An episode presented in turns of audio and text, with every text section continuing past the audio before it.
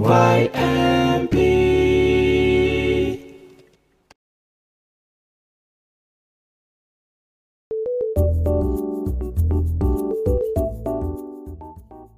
teman-teman, selamat datang di 5 Minutes Mana, podcast renungan singkat yang dipersembahkan oleh Bintaros Youth Media Project. Buat hari-harimu lebih bersemangat. Judul renungan kita hari ini adalah Tidak Layak. Ayat intinya terdapat dalam Yehezkiel 18 ayat 23. Apakah aku berkenan kepada kematian orang fasik? Demikianlah firman Tuhan Allah. Bukankah kepada pertobatannya supaya ia hidup?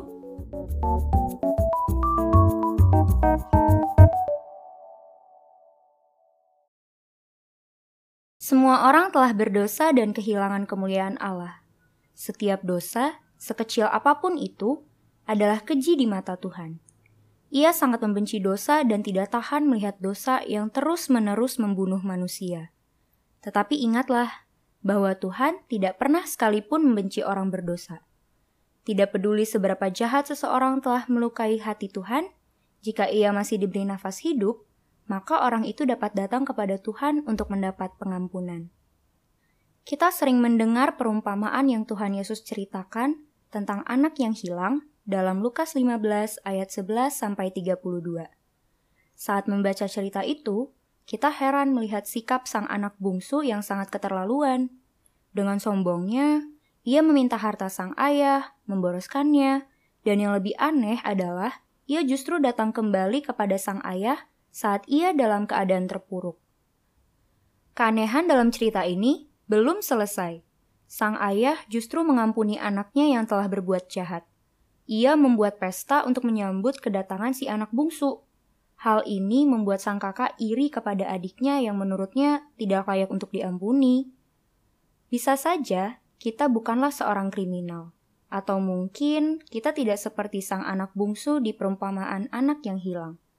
Namun sebagaimana sudah dikatakan, kita semua adalah orang berdosa yang sering menyakiti hati Tuhan. Kita berdosa dalam pikiran, perkataan, ataupun perbuatan kita kepada orang lain. Bagaikan pasir di laut yang tidak terhitung jumlahnya, sebanyak itulah dosa kita kepada Tuhan. Kita semua tidak layak untuk diampuni hanya karena kemurahan hati Tuhan saja sehingga kita bisa bebas dari dosa. Ya, kita semua telah dibeli oleh darah Yesus yang tak ternilai harganya. Sama seperti Bapa yang menerima kembali anak yang hilang, Tuhan di surga sangat rindu melihat setiap orang berdosa bertobat. Jika kita memiliki Tuhan yang amat baik, bukankah sudah seharusnya kita menceritakan kasihnya kepada orang yang belum mengenal Tuhan? Ceritakanlah kisah Yesus yang telah mati di kayu salib untuk menebus kita, orang jahat yang tidak layak diampuni. Biarlah banyak orang datang meminta pengampunan kepada Tuhan. Jangan sampai kita seperti sang kakak yang tidak suka melihat pertobatan adiknya ya. Tuhan tidak pernah sekalipun menginginkan ada satu umatnya yang binasa. Rindukah teman-teman untuk berkumpul bersama keluarga, saudara, teman, atau bahkan musuh kita di surga? Tunggu apa lagi? Mari bersaksi.